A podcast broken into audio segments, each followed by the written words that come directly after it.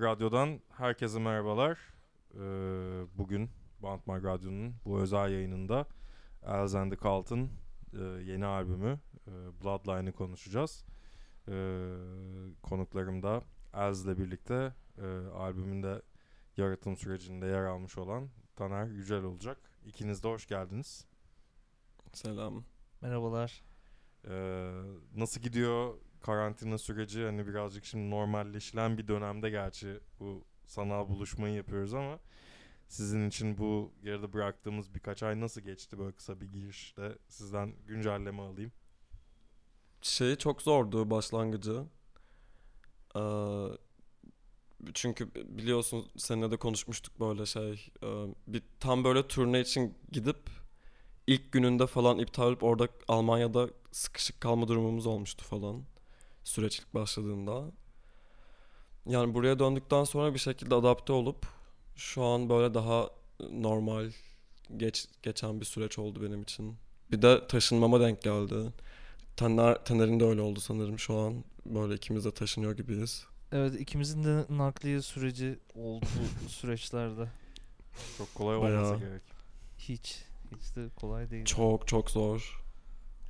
Albümün de böyle bir dönemde çıkmış olması tabii ki e, önceden tahmin edebileceğiniz bir senaryo değildi. Yok canım kesinlikle değil. Ee, biraz hani bunun da nasıl hissettirdiğinden bahsedelim. Hani özellikle hani çok işin performans kısmıyla, görsel sunumuyla çok ilgilendiğini biliyorum. Çok kafa yorduğunu biliyorum.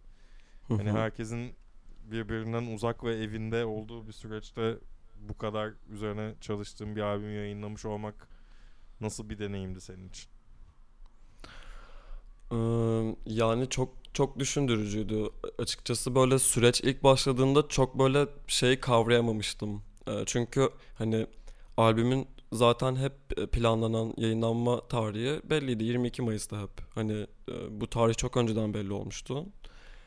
Hani Mart'ta bu süreç başlayınca aslında albüm yayınını ve benim yapacağım şeyleri ne kadar etkileyeceğini böyle öngörememiştim pek. Süreç içerisinde böyle şeyi anladım hani hazırladığımız birçok canlı performans sunumunu yapamayacağız. Hmm, Birçok işte müzik videosu için planladığımız işbirliğini harekete geçiremeyeceğiz falan. Bunlar üzdü bayağı düşününce. Ama yani hem ekip içinde birbirimizle konuştuk. Hem işte Taner'le konuştum. Plak şirketiyle de konuştuk albümü yayınlayacak. Ve hani aslında planlanan süreçte devam etme kararı aldık bir şekilde. Çünkü üstünde çok uzun süredir çalıştığımız bir proje. Ee, ve zaten bu süreçte böyle herhangi bir şekilde tahmin edilebilir, ne zaman yumuşayacağı, biteceği hakkında bir şey bilmediğimiz bir süreç aslında. Öyle de bir virüs. Ya, o yüzden böyle çok da bekletip yani onu bir kenarda bekletmek de mantıklı gelmediği için yayınlamış olduk yayınlanma tarihinde. Hiçbir ertelemeye maruz kalmadı süreç. Ee, Biz seninle geçtiğimiz sonbaharda Ekim ayında Red Bull Müzik Festival İstanbul'un radyosu Hı hı. içinde bir yayın yapmıştık.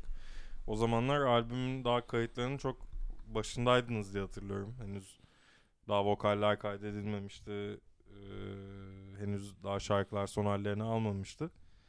Biraz o zamanlara dönelim. Hani Bloodline'ın ortaya çıkış süreci hani bu şarkıların e, geçmişi ne kadar geriye gidiyor. Önceki albümlerinden hani o dönemlerde hazırlayıp bu albüme kalmış, bu albüme saklanmış parçalar var mıydı yoksa hani Bloodline'da dinlediğimiz parçaların hepsi konsept olarak da bir bütün olarak bu albüm düşünülerek tasarlanmış parçalar mıydı?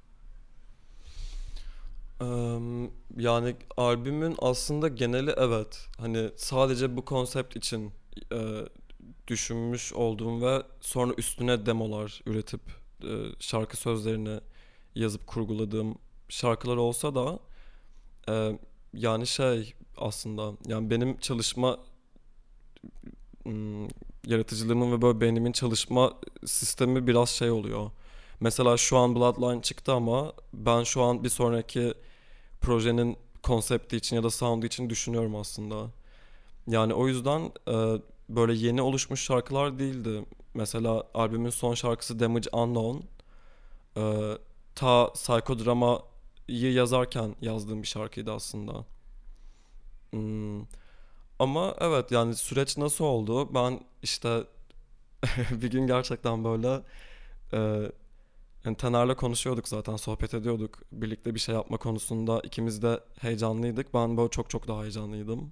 Bir gün Karga'da buluştuk bira içmek için. Gerçekten böyle ben yanımda bütün demoları getirip kulaklık getirip böyle Taner'e kulaklığı takıp ona dinlettiğim Taner'in de böyle sevdiği şeylerin olduğu yine heyecanlandığı fikir için bir süreçti. Sonra zaten çok şey olmadı. Eee, yani konuşup gerçekten böyle bir şekilde eşleştik orada ve hemen aslında planlamaya ve çalışmaya koyulduk gibi. Böyle çok beklemedik birlikte çalışmak için. Aynen hemen ardından zaten takvimler vesaireler her şeyi konuşmaya başladık. Ee, bana demoları yolladı. Onların tekrardan şekillendirilme süreçleri, değiştirilmeler, üzerine oturup konuşmalar, e, demo transferleri falan hemencecik başladı zaten süreçte. Şeyi merak ediyorum. Yani aslında önceki albümlerinden çok belirgin olarak farklılaşan başka bir yöne evrilen bir sound dünyası var Bloodline'ın. Hani bu zaten hani senin kafandaki konsepte bu doğrultuda gitmek istediğin bir şey miydi yoksa bu hani ortak paylaşımlarla oluşturulan bir şey mi oldu? İkisi de. Ya şöyle, hmm, bu sound ve bu um, işte görsel dünya benim gerçekten hep gitmek istediğim bir yönde aslında. Hani dediğim gibi Taner'de böyle ilk buluştuğumuzda ve albüm için konuştuğumuzda da zaten hani referanslarım, demolarım da aslında yakındı. Ama şöyle bir şey de oldu. Ee, Taner'le birlikte çalışmaya başladığımızda gerçekten ikimizin de tahmin etmediği sürpriz sound değişim köşeleri de oldu açıkçası. Ee, mesela buna aklıma gelen en büyük örnek e, albümdeki Villain Victim parçası. Ee, yani bu sound, o şarkı, o işte tamamen yapısıyla birlikte benim de aklımda olan bir şey değildi. Taner'in de aklında olan bir şey değildi. Planlamadığımız bir şarkıydı. Ama böyle birlikte paylaşım yaptıkça ve ürettikçe böyle sürpriz şeyler ortaya çıkmış oldu yani bir şekilde süreç içerisinde. Zaten süreç içerisinde ben şahsi olarak kendime yaptığım şeyler bile e, As and the Cult Sound'unda e, üretme refleksine girdim zaten o dönemde. Öyle bir süreç oldu benim için de. Yani albümde şeyi duyabiliyorum çok net bir şekilde. Yani 90'ların endüstriyel rock e, klasiklerinden diyeceğim hatta yani bazı Hı hı, hı hı. referanslar işte Nine Inch Nails, Hı hı. Marilyn Manson, Tabii ki. bizim çok ortak sevgimiz olan Evet. Orgy'nin Aynen ilk öyle. albümü olsa gerek o albümle falan hani Hastasıyım ya. sizin de böyle bir sanırım ortak bir müzik yükseldiğiniz bir Var, nostaljik bir döneme de sanki böyle ufak bir homaj hissiyatı da var albümde gibi hissediyorum. var. Bu planlı yapmak istediğiniz bir şey miydi veya hani o sizin bu konsepti belirleme aşamasında başka ne tür çıkış noktalarınız oldu, ilham kaynaklarınız oldu? Kesinlikle hayal ettiğimin çok daha ilerisinde bu arada bir sound oldu. Hani eğer endüstriyel müzik tamam işte rock elementleri esintili, pop elementleri esintili endüstriyel müzik düşünüyordum ama şu an hani Bloodline'ı dinleyince böyle onun da bu janraların içinde de aslında bunları da kıran böyle küçük bir pozisyonu var. Ve bu benim böyle tahmin etmediğim bir noktaydı. Ya ben şey hep düşünüyordum hani evet bu sound'a yakın bir yere gitmeye ve bunu üretmeye ama e, şeyden çok emindim. Yani bu proje kesinlikle Türkiye'de sadece Taner'le yapabileceğimden çok bunu böyle ilk buluştuğumuzda da söylemiştim. Ee, ya çünkü hani tanışmış değildik. Aslında sadece bir kere falan birkaç kere böyle aynı ortamda bulunmuştuk. Evet Rose konseri hatta ilk muhabbetimiz orada olmuştu. Evet ama böyle hani Taner'i uzun süredir takip eden biriydim. İşte hemen hemen 2015-16 yıllarından beri SoundCloud demoları ve yaptığı diğer projeler, prodüksiyonlar. Hmm, Ya az çok şey görebiliyordum. Hani burada böyle birbirine uyan, birlikte çalışırsa çok güzel bir iş çıkarabilen bir dünya olacak gibi geliyordu bana. Bir de kargada konuştuğumuzdaki referanslar falan çok başka bir şeydi aslında ilk başta. Ee, demolar üzerinden konuşurken böyle bayağı böyle kullandığımız terimler yani mü- müzik janrında işte nu metal, işte dark wave falan diye konuşurken böyle aslında hiç onları net yani tabii ki de onları barındıran öğeler var da direkt o janralar olmayan Evet. çok daha başka yani hiç bu kadar from floor bir forma dönüşeceğini düşünmüyordum mesela ben hani. Ya evet böyle biraz şeyi hissettiriyor bana albüm. Hani Psychodrama'da mesela biraz daha kalıplı bir ses dünyası. Burada biraz daha hani senin de gerçi hani orada yaratmak istediğin sanırım karakterin de birazcık bunda şey var, payı var. Hani böyle daha serbest dolaşan, biraz daha farklı hislere, farklı dürtülere dokunan bir ses dünyasıyla karşılaştım ben Bloodline'ın Hmm. son halini dinlediğimde. Hani buna bazı hani o geçiş trackleri diyebileceğimiz e, e, canavar gibi parçalar da hani biraz anlatıyı oradaki konsepti çok renklendiren, şekillendiren şeyler ama hani bu şeyde hani senin yarattığın bir karakter bize orada biraz kendini döküyor. Hani senin de tabii ki kişisel iç, e, dışa vurumunun da burada büyük bir payı var. Bana ne kadar böyle kışkırtıcı, ne kadar böyle e, çarpıcı ve vurucu olsa da bir yerden hani çok da duygusal, çok içsel bir tarafı da var bence parçaların. Ee, biraz hani bu anlamda da hani gitmek istediğin yönün hani böyle daha şekilli daha yani daha şekilli değil de daha çok yönlü bir dünya olması bence e, bu konseptin altını fazlasıyla doldurmuş diye düşünüyorum. Teşekkürler. Bir dışlanmışlık, bir outsider anlatısını şarkılaştırdığın süreçte kafanda canlanan tabloyla Bloodline'ın şu an bizim karşımızda olduğu şekil arasında ne kadar fark var? Tabii yani çok çok böyle drastik hani çok büyük olmasa da ım, farklılıklar var düşüncemde. Yani sound olarak hani e, burada sound'un prodüksiyonundan değil de hani verdiği o sert histen bahsediyorum. Hani daha e, artık tamamen böyle çığlık çığlığa işte sert basan kickler, e, endüstriyel sesler, elementler. E, ya aslında şey hmm, psikodramanın içindeyken yani psikodrama albüm cycle'ının içindeyken aslında oluşmaya başladı kafamda. Yani aslında biraz performans üstünden gitti. Ee, psikodrama gerçekten çok çok daha duygusal ve romantik bir albüm. Ee, Els de orada aslında çok daha ya aslında böyle psikodramanın ana işte temalarından bir tanesi büyüme sancıları. Şarkıların anlattığı, albümün sound'un anlattığı şey. Ya lafını balla keseceğim bir e, Elcim. E, albümün prodüksiyonu konuştuğumuz zaman e, albüme çalışmaya başladığımız süreç esnasında benim İngilizcem harika değil mesela. E, bazı şarkı sözlerini anlayamadığım için tamamıyla hikayesini ve özetini e, Elz'den dinleyerek e, yapmaya başladık süreci. E, mesela bunun çok büyük bir önemi var bence şarkı e, yapımında e, onun edebiyatına, oyunculuğuna, actine hani tam real bir halde girebilmek mevzusuydu. Çünkü bunu a- e, doğru bana doğru ulaşınca bu e, kayıda da doğru ulaşmış olacak. E, onun vokal performansı olsun, e, onu destekleyen diğer sesler, diğer ses paleti paleti olsun. Bunların hepsinin homojen bağlantıda olması gerekiyor. Bu anlamda diğer albümlerden farklı olmasının bu konunun büyük payı olduğunu düşünüyorum mesela. Hani kendi adıma söylüyorum. Hani bence hani psikodramadan ayrışan fark bu mesela. Ya evet evet kesinlikle. Yani mesela ben Bloodline albümünü e, seninle birlikte yapmış olmasaydık e, çok çok çok daha farklı bir, bir e, noktada olacaktı. Duygusal olarak söylüyorum bunu. Sound olarak değil.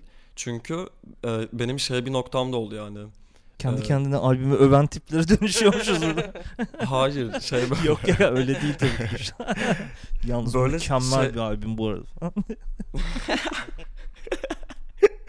böyle şey bir nokta oluşmaya başladı yani hmm, Taner'le gerçekten böyle oturup bir oda içerisinde böyle gerçekten şarkıları böyle baştan dinleyip e, ürettiğimiz hani en ufak şeyine kadar konuştuğumuz bir süreçti böyle vokalin nasıl duyulacağından karakterin ne olacağına kadar. Açıkçası ben Taner'le çalışırken böyle bir bilinç akışı oluştu orada. E, Bloodline albümü için. E, ben birçok konuda kendimi daha özgür hissetmeye başladım. Ve e, hani biz birlikte çalışırken gerçekten duygusal olarak da çok etkiledi aslında Taner'le çalışmam. E, çünkü e, bu noktaya kadar gerçekten e, tek başına prodüksiyon yapan, tek başına vokalini kaydeden, tek başına yazan, e, tek başına sahnede ne giyileceğine kadar karar veren tek çalışıyordum. Çok one man band gibi bir şeydi yani proje. Hmm, bu kadar uyuştuğum biriyle bir araya gelip bir şey üretmeye başlayınca e, ya mesela birçok Bloodline'daki birçok şey gerçekten bu bilinç akışı olmasa Taner'le birlikte yaptığımız olmazdı. Aa, sağ ol ya. Yok gerçekten öyle. Çok etkilemiş olduk yani birbirimizi bu süreçte bayağı. Değişim bence biraz bununla da ilgili.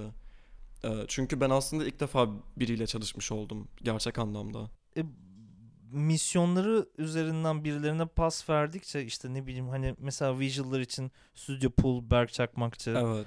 işte onları da devredince insan kendi işine daha iyi odaklanabiliyor. Yani kendi işinden kastım e, üretmek ve bunun sun, sunumu. Yani en önemli mevzular zaten bunu hani. Ya evet ben bu noktadan hep çok korkuyordum. Çünkü hmm, ya en, e- e- en başta bunu yaparken bile işte ya Elzenlik Alt ilk başladığında bu kadar flamboyan, bu kadar böyle e, aşırı görünmüyorduk açıkçası ama yine yaptığımız daha farklı hani makyaj ve kostüm için ve sound için söylüyorum bunu ya da işte sahnedeki tiyatrallik.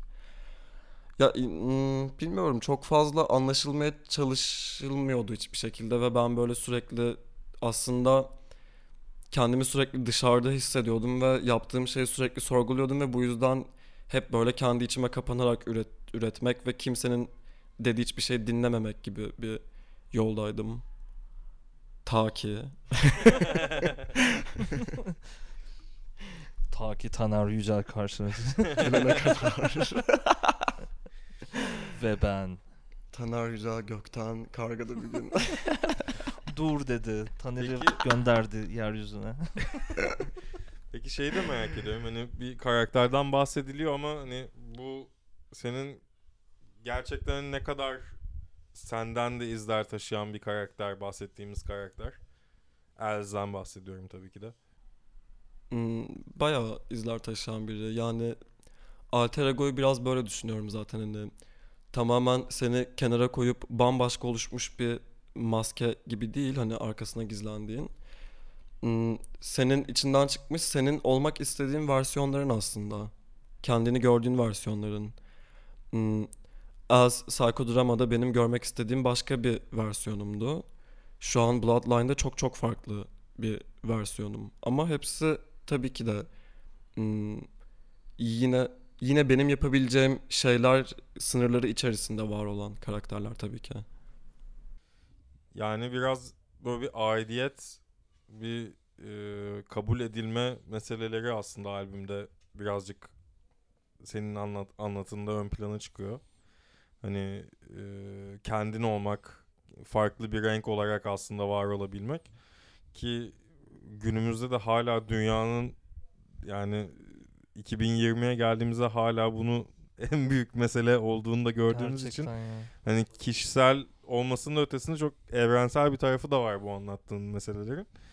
Ee, bu anlamda da hani biraz şey de merak ediyorum hani albüm hani benim hep gözlemlediğim kadarıyla işte bu endüstriyel gotik ve dark wave diyebileceğimiz hani o şeyleri aynı potada toplayabileceğimiz janrın e, uluslararası dünyadaki birliği diyeceğim hani çok Hı hı. diğer türlere çok benzemiyor. Yani çok böyle fazla dirsek temasında olunan başka ülkelerin benzer estetikle müzik yapan insanların hepsinin birbirinden haberdar olduğu bir dünya var orada. Hani benim gördüğüm kadarıyla. Hı hı. Ee, biraz şey de merak ediyorum hani nasıl ref, e, tepkiler geldi. Yani bu şeyde hani Cold Transmissions'la çalışıyorsun zaten Alman etiket. Hani onlar senin önceki yani albümün önceki sürecinde böyle bir yöne kıvrılacağını veya böyle cesur bir anlatıyla çıkacağını vesaire biliyorlar mıydı? Nasıl yorumlar geldi senin sana Bloodline üzerinden? Bu konuda Taner de benim de biraz e, dalga geçiyorduk bu konuyla. Ben label'a bile albümü böyle çıkmadan bir ay öncesine kadar falan dinletmedim. Sadece birkaç tane demo attım. Hani haberiniz olsun böyle bir sound'a gidiyor. Gerçekten Taner'le bu konuda böyle bayağı dalga geçiyorduk. Ben gördüğüm kimseye... En bu konuda hani e, inanarak ısrarcı bir şekilde bunu yapan kişiydi yani. Yani bu grup arkadaşlarına falan da dinletmedi yani. Neredeyse hani kayıtta dinlediler. Hı hı. Hatta Bayağı. kayıttan sonra dinlettin değil mi birçok şeyde? Yani kayıtta sadece performans yapacakları şeyleri dinlediler bu arada. Yani şöyle söyleyeyim. Villain Victim şarkısını e, sadece sen, ben ve Larissa e, YouTube yayınında performans yapacak arkadaşımız duydu gibi. Evet zaten o baya biz mix sürecinde sürecindeydik. Bitmişti yani mastering falan süreçleri başlamıştı. Tam o sürece girdiğimizde çıkan bir şarkı o da. Bu konuda evet biraz böyle niyeyse böyle tetikteydim böyle ve bir şekilde dinletmedim kimseye. E, Cold Transmission'la da e, Cold Transmission ikinci bir albüm hani Psychodrama'nın e, işte kendi edisyonları üstünde 3 şarkılık işte Deluxe diyebiliriz buna.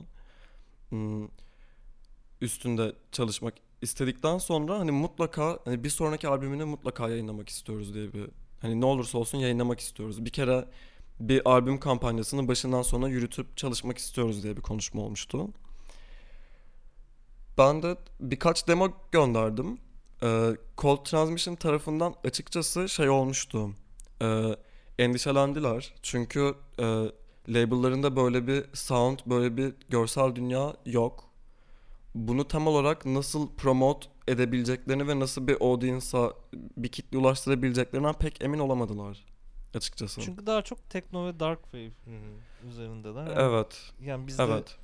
gitar elementleri vesaire falan gibi şeyler var. Tabii onlar için daha bir band müzik geliyor. Panik bir de oldular. şöyle bir şey de var. Bu benim kendi içinde bulunduğum komüne karşı da bir eleştirim ve sorum aynı zamanda. Ya işte bu goth endüstriyel müzikte ne kadar e, aslında böyle bütün gruplara ve bütün dinleyen seyircilere, kitlelere baktığımız zaman ne kadar böyle makyaj, kostüm, kendini ifade etmenin ne kadar büyük bir önemi olsa ve alışık olduğumuz bir şey olsa da ne zaman ki işin içine e, bunu sadece bir kostüm olarak değil, bir makyaj olarak değil, cinsiyet rolünü de kırarak e, gender neutral bir şekilde yapıp araya böyle bir flamboyanlık kattığın noktada bundan biraz so soğukluk ve yerinin olmadığını gördüm açıkçası. Bu benim kendi ım, açıkçası şeyim, e, gözlemim. Hani tamam hani e, ta bu kökeninden itibaren yani böyle büyük saçlar, kırmızı siyah rujlar, ojeler, e, kıyafetler okey ama e, Onlar kostüm olduğu sürece okeyler. kostüm olduğu sürece okey ve e, kendi çizgileri içinde kalmalı gibi. Yani Robert Smith saçı Evet. işte siyah bir ruj Tamam. ama Ref- ne zaman- referansıyla Evet. anılacak şekilde mi? Evet. yani? şekilde ama ne zaman ki ben yani mesela görsel dünya gördüklerinde de biz Almanya'ya gittiğimizde e, ilk Hamburg konserini verebildik ve orada böyle bir salı günü konseriydi. E, ve turnenin zaten şeydi böyle hani o günden zaten kimsenin katılım için pek bir aslında böyle sound check'i deneme gibi bir süreç gibiydi o konser. Mart'ın ilk haftası mıydı bu? Evet. Ee, hemen hemen böyle 50-60 kişilik bir katılım oldu. 3 gruptuk. Ee, Cold Transmission grupları. Ee, ya orada bile biz sahneden indikten sonra insanların ve label'ımızın bizimle konuşup konuştuğu, söylediği şey şuydu. Ee, yani gerçekten çok ım, bilemiyoruz. Çok değişik görünüyorsunuz.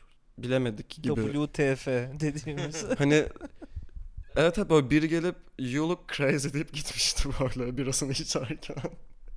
Ya çünkü böyle bilmiyorum işte Yani Bununla da biraz kos- oynamak kostümlü istiyordum. heteronormist bir şey beklentileri var. kesinlikle kesinlikle. Ne olursa olsun yine de o senin de dediğin gibi yine heteronormatif ve yine erkek dünyanın içinde kaldığın ne kadar makyaj kostüm yapsan da o dünya kabul görmüş bir şekilde. Ama o, o çizgileri biraz böyle bulanıklaştırmaya başladığın noktada kafalar karışıyor. God komünitesinde de, endüstriyel komünitesinde de.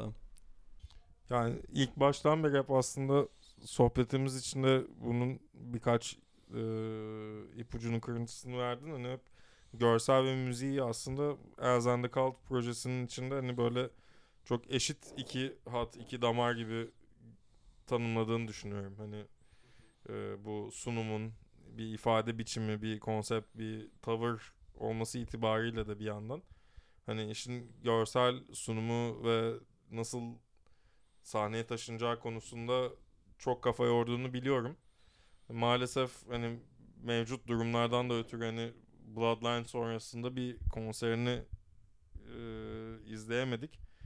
Ama çok hummalı bir çalışma olduğunu biliyorum bunun sahneye taşınması özelinde. Hani bu işte hani az önce bahsettin hani Hamburg'daki ilk konserde gelen tepkileri. Hani o senin kafanda kurduğun performansın tam olarak sahneye taşınmış bir hali miydi peki? Hayır, tam olarak değildi. Yani oraya gittiğimiz için birçok şeyi yanımızda götüremedik aslında. Çünkü orada böyle koşullar bir, bir parça zor olacaktı şey için. Dört gün arka arkaya dört şehri arabayla gezerek turlayacaktık.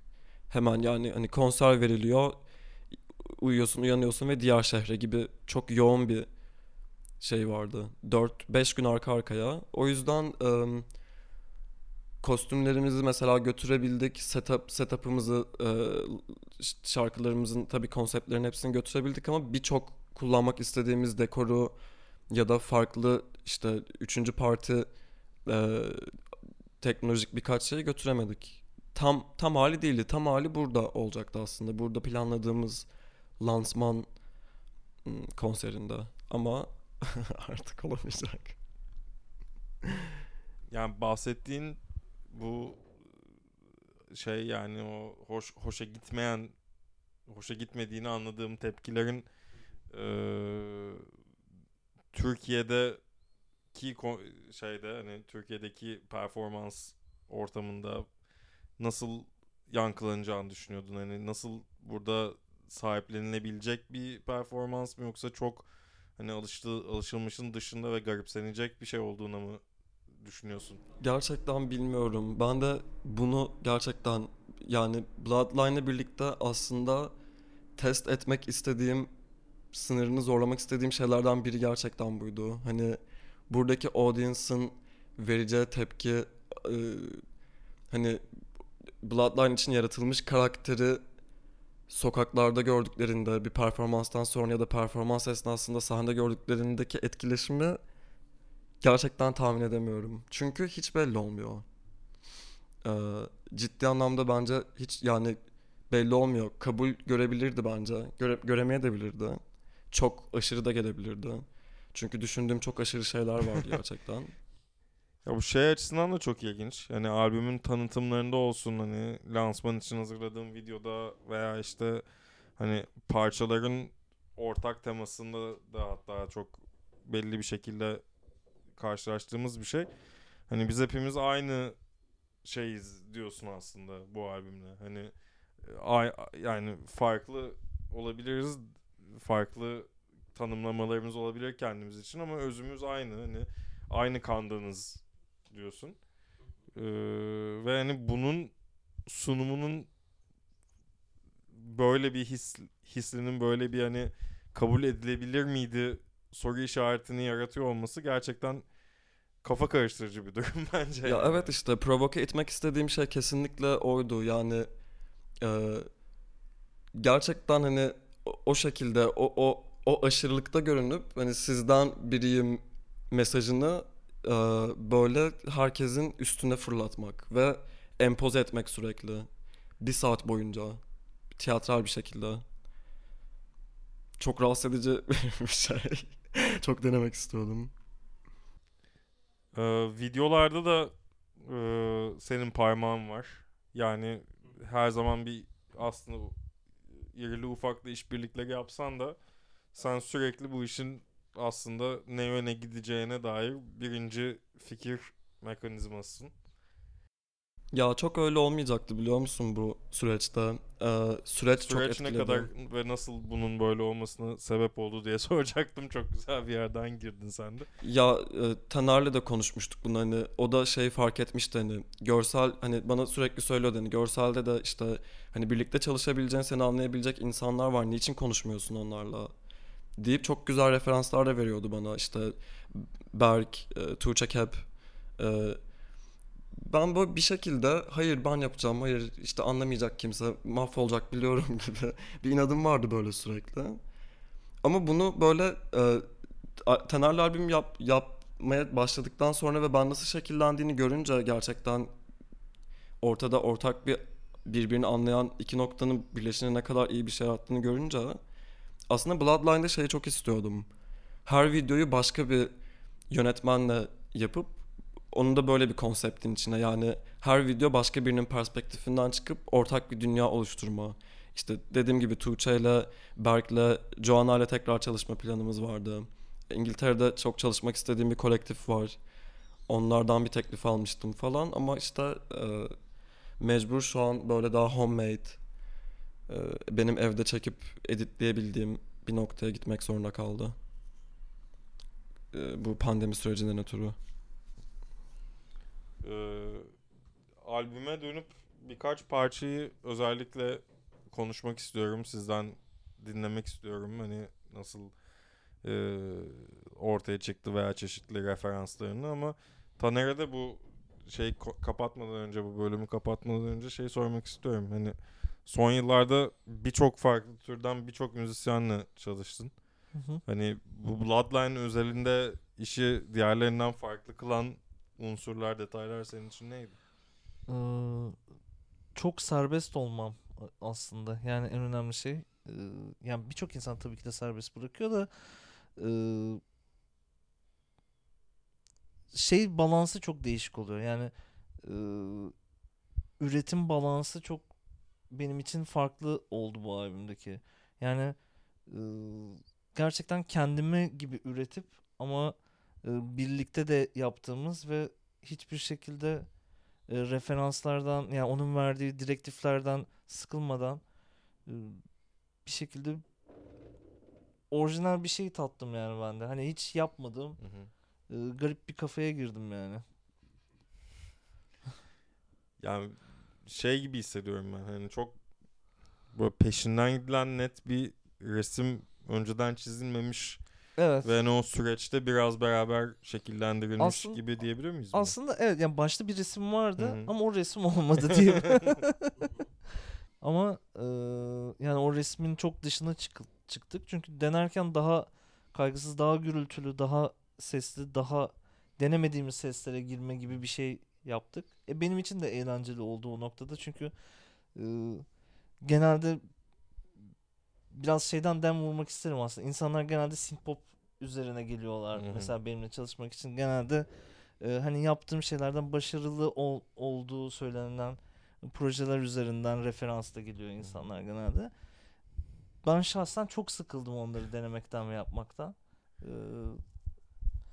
ve Ez de öyle bir şey istemiyordu zaten. Yani o referansların içinde küçük bir örnekti yani bu. Bambaşka bir şey denedik yani süreçte. Hani hiç gitar konuşmamıştık. Gitarlar girdi bir anda. İşte alakasız alakasız şeyler girdi her şeye.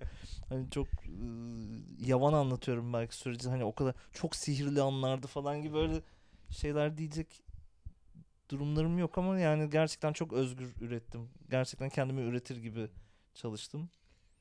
Eğlendim de. Çok kısa bir süre de değildi. Benim Kısa de takip evet evet. kadarıyla.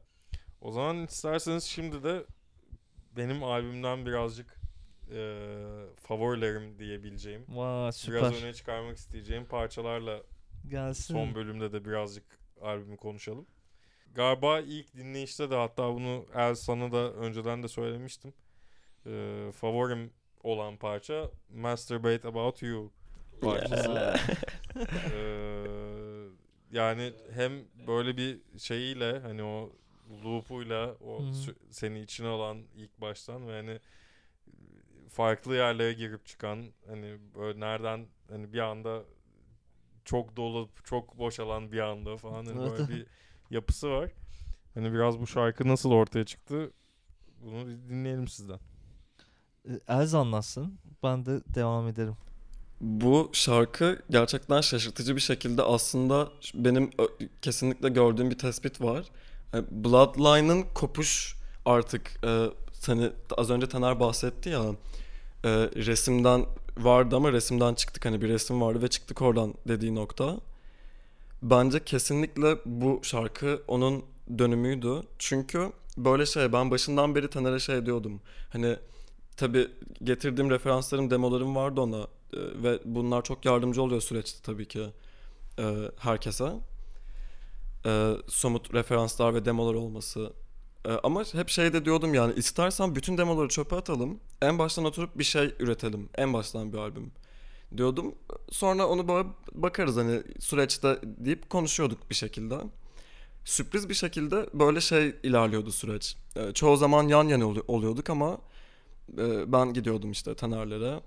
E, ama bazen de Taner böyle evde sürpriz yapıp böyle bir şeylere bakmış oluyordu ve bana böyle ses kayıtları atıyordu fikirlerini falan.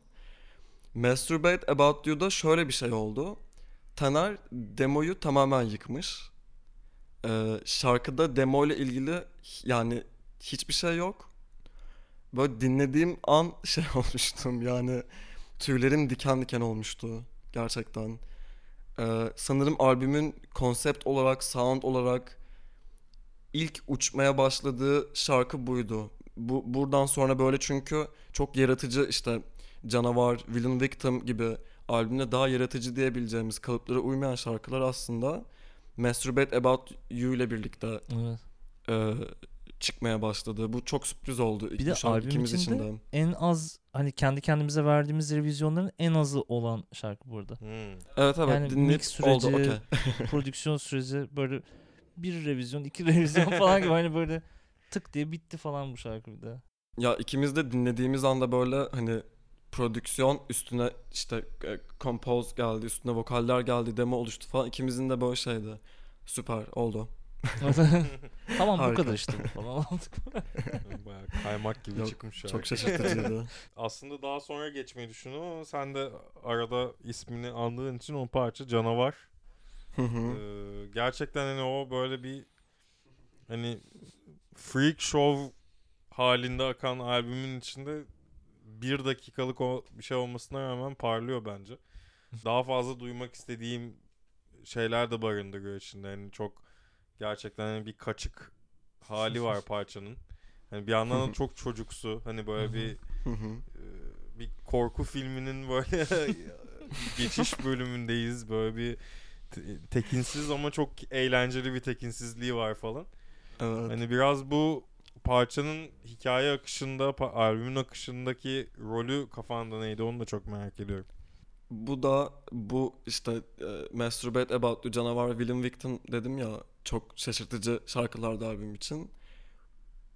Canavar da kesinlikle benim demolarımda olan bir şey değildi. düşündüğümüz bir şey değildi. Sadece şeydi yani böyle e, biz böyle hani albümde ara parça olabilecek böyle e, geçişleri sağlayabilecek bazı sesler parçalar istiyorduk böyle küçük e, introlar gibi. Ama hani bunun için bir e, henüz öyle bir üretim yapmıyorduk. Hareket etmek sadece böyle konuştuğumuz ikimizin de hemfikir olduğu, sevdiği bir şeydi. ben bir şey çok düşünüyordum bir ara.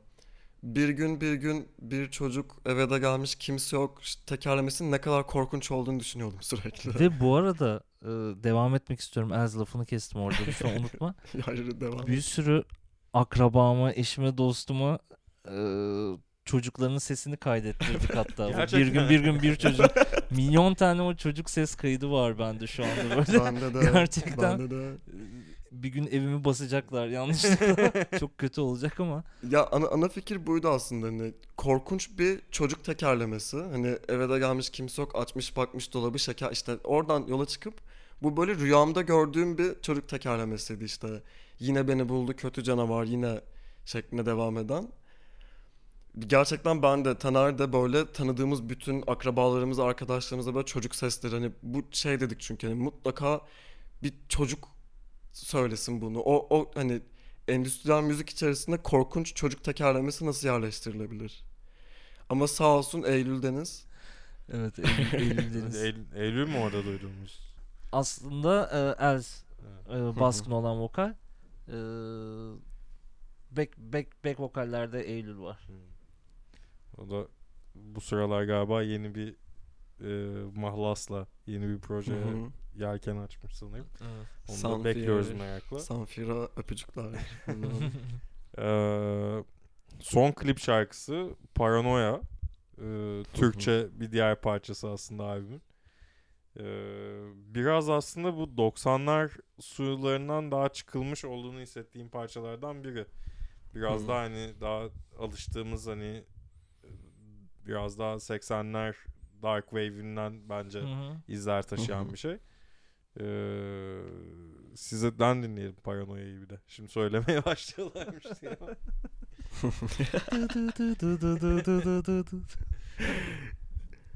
Pasta değilim. yani Hmm, bu arada paran- Türkçe olmasına nasıl bir noktada karar verdiğinden sor, ya onu sorarak istersen top sana atabilirim. Hmm, ya Türkçe bir şarkı böyle mutlaka hani diskografi içerisinde zaten seneler işte vakit ilerledikçe birkaç tane böyle Türkçeyle flörtleşip araya bir şeyler koymak istiyordum hani Türkçe şarkılar, Türkçe introlar. Buna ilk işte Fate in Me'de başlamıştım aslında. Türkçe bir bridge kısmının girdiği bir şarkıydı. Hmm, Bloodline'la hikayesi uyuşan bir nokta. Yani hem sizdenim diyen ama bir şekilde onlardan hissetmeyen bir karakter için bu benim en çok eleştirildiğim noktalardan biri.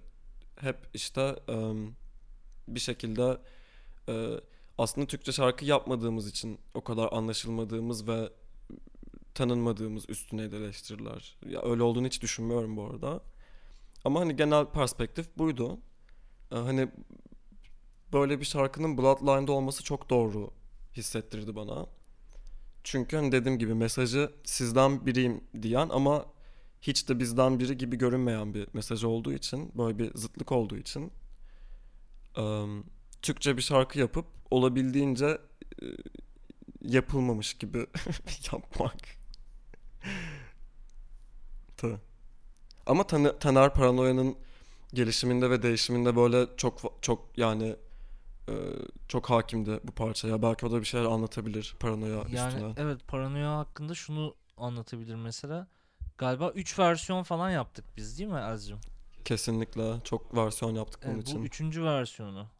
Sözleri çok değişti, işte e, melodileri değişti, sound'u full müzikal yapısı, ritim, aranjmanı falan değişti hatta. En son aslında hepsinin hibriti olan bir şeye dönüştü. Ee, Ben bayağı eğlendim yani son halinde. Böyle e, tam janrasının ne olduğunu anlamadığım bir kıvama gelince Hmm. beni mutlu etti açıkçası. yani hani böyle bence okey dedim yani hani burada iyi kaldı gibi oldu. Evet öyle oldu gerçekten. Yani Hani böyle nakaratta özellikle böyle hafif metal based bir şey Evet, hissettiriyor ama Hı hı. e, sidechain'ler ve elektronik yapı onu biraz kırıyor. Bir değişik bir kafası oldu. Çok eğlendim yani ondaki e, prodüksiyon aşamasında. evet şey sorunu vardı çünkü onu hatırlıyorum. Ee, benim demomla birlikte başlayıp onu da bir sayarsak demom senin işte seninle sürecimiz 2 3 4 böyle versiyonlarında Evet. ya hep böyle kötü bir şey çıkmıyordu ortaya ama ikimizin de böyle içine sinmeyen şeyler oluyordu. Aynen. ne yapabiliriz, ne olabilir gibi düşündüğümüz sound üstüne ve şarkı sözleri üstüne de benim de kendime dönüp düşündüğüm neler çıkabilir, neler eklenebilir gibi. Sonra böyle Taner'in açıkçası eee, parçayı yeşillendirmesiyle diyeyim. Evet yani ilk ilk zaten böyle biraz demoya yakın bir e, referansta tutuyordum hep çalışırken. E, sonra Elz'le birleşiyoruz, e, bakıyoruz. İşte o diyor ki şuralar böyle mi olsa işte ben diyorum şuraları böyle tutalım falan. Sonra ya da e, bireysel olarak ben o gitmişken gizli gizli gizli gizli bazı şeyler deniyorum. Sonra onu gösteriyorum. O da oha bu çok iyi olmuş falan diyor. ya da işte abi bunu bilemedim falan diyor ya da Madileniyorum sana. evet modelleniyor. Ya, albümü ilk baştan sona dinlememden sonra hani üzerinden birkaç saat geçtiğinde ve albümü ilk düşündüğüm zaman Bloodline'ı kulağımda Ultraviolence'ın nakaratı çalıyordu. Yani çok catchy, çok Vay. e, böyle bir hani yer ediyor kafanda hani o Hı hı. çok sesli vokallerin olduğu Hı hı. bölümde. Ee, biraz böyle bir şey de var yani bir hit single vibe'ı da var parçanın öyle bir hissi, hislenimi de var. Ee, yanlış hatırlamıyorsam senin de zaten albümden önce paylaştığın parçalardan biriydi. Hı hı. Ee, İkinci e, tekliydi. Ee, biraz Ultraviolence'ın da perde arkasını öğrenmek isterim. Nasıl bir süreçti Ultraviolence'ın yaratımı? Ultra Violence e, hani şeyine baktığım zaman böyle kökenine baktığım zaman sanırım albümdeki parçalar içerisinde en eski yazdığım parça olabilir. Hani kronolojik bir sıra koyacak olursam hangi parça ne zaman yazıldı gibi. Hemen hemen iki sene önce falan e, Efe'ye hatta e, dinletmiştim ilk böyle çok taslak bir demosunu. Ama tabii tabii ki de yani ne şarkı sözü olarak ne e, prodüksiyon olarak hiçbir şekilde sound olarak böyle bir şey değildi. Nakarat sadece nakarat konusunda çok keskindi fikrim. Hani bu e, çekiç gibi olan işte ultra ultra violence kısımları aynıydı sadece. E, O groove'a bayağı sadık kaldık aynen. Hı hı. Ee, bu evet aslında biraz daha ana fikrine sadık kaldığımız parçalardan biriydi Ultraviolence. Şey çok tatlıydı. Bu çok sesliden bahsettin ya nakaratta. O aslında böyle yine planlamadığımız bir şeydi.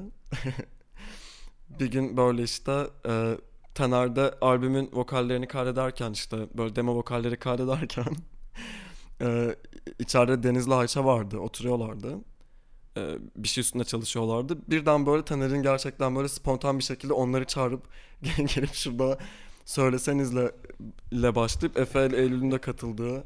Hatta Taner sen söyledin mi nakaratta? Yok ben söylemedim. Ha. Taner'in se- senin paranoya da bayağı vokalin var. Benim paranoya da var Değil evet. mi? Aynen. Doğru. Öyle spontan gelişti yani o çok seslilik durumu. Evde böyle demo kaydı alırken Taner'in yine böyle şey hiperaktif fikirlerinden biri. Çok- iyi Sürprizlerle ya, dolu. çok iyi. Spontan, Tan- full böyle aşırı spontanlık hiperaktif üzerine şeyleri oluyor. prodüksiyon. Şahane. prodüksiyon sihrimiz bu spontanlık.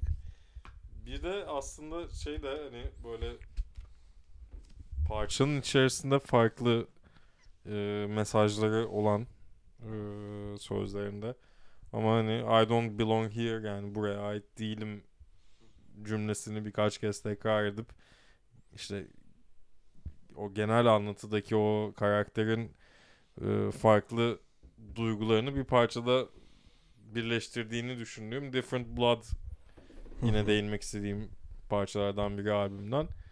Ee, yani biraz aslında genel akışın içerisinde de hani çok böyle ilk dinlemelerde benim aslında çok böyle ayrıksı bir yere koyduğum bir parça değil ama sözleri itibariyle ben hikayede çok e, kilit bir rolü olduğunu düşünüyorum. En azından senin bu yarattığın bu albümdeki karakterin dertleri anlamında söylüyorum bunu.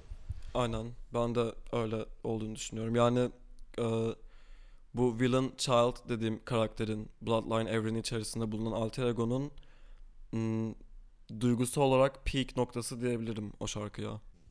Yani benim çok e, heyecanla beklediğim ve bekle, beklentilerimin çok dışında farklı yönlere evrildiğini gördüğüm, hissettiğim bir albüm oldu Bloodline. Hani sahneye de nasıl taşıyacağını gerçekten çok merak ediyordum. Hani o bahsettiğin aykırı ve aşırılık hani e, hatta bir takım kostüm tasarımlarını da sen sosyal medya hesaplarından da paylaştın. E, ilk fırsatta hani her şeyin bir şekilde nasıl olacağını da kestiremediğimiz şekilde Evet, normalleştiği durumda e, umarım böyle bir şey deneyimleme şansımız olur.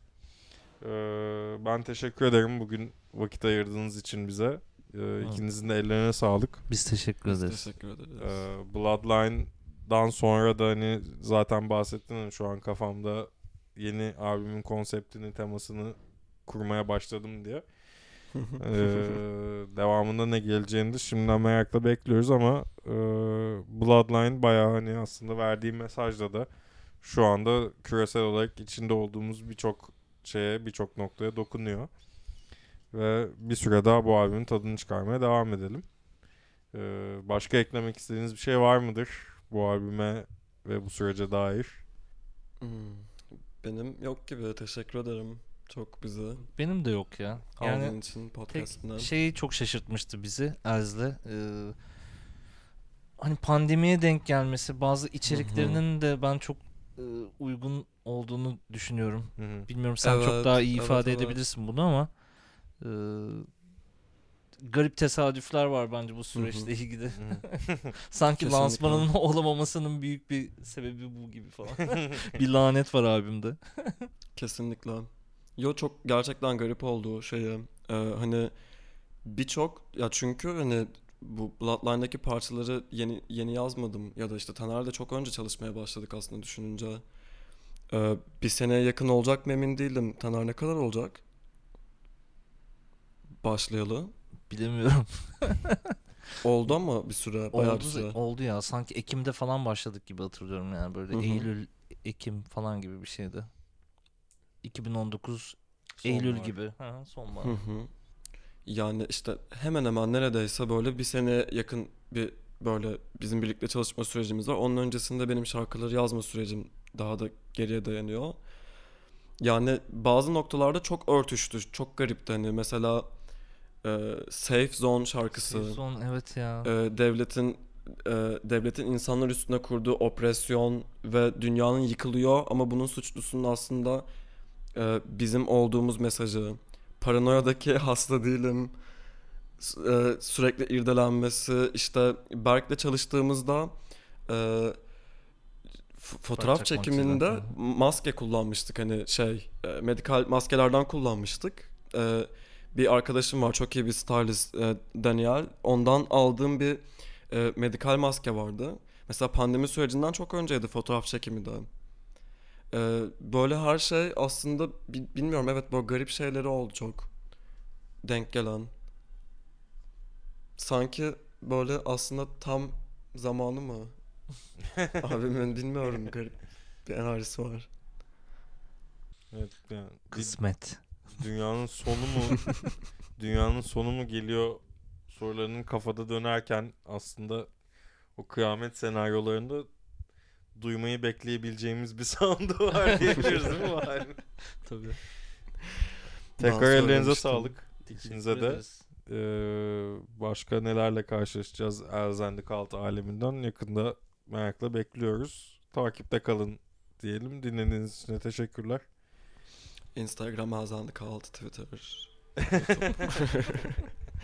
Yanar Tücal alttan. Alt- alttan Podcast'in altında açıklama kısmında. yukarı kaydır.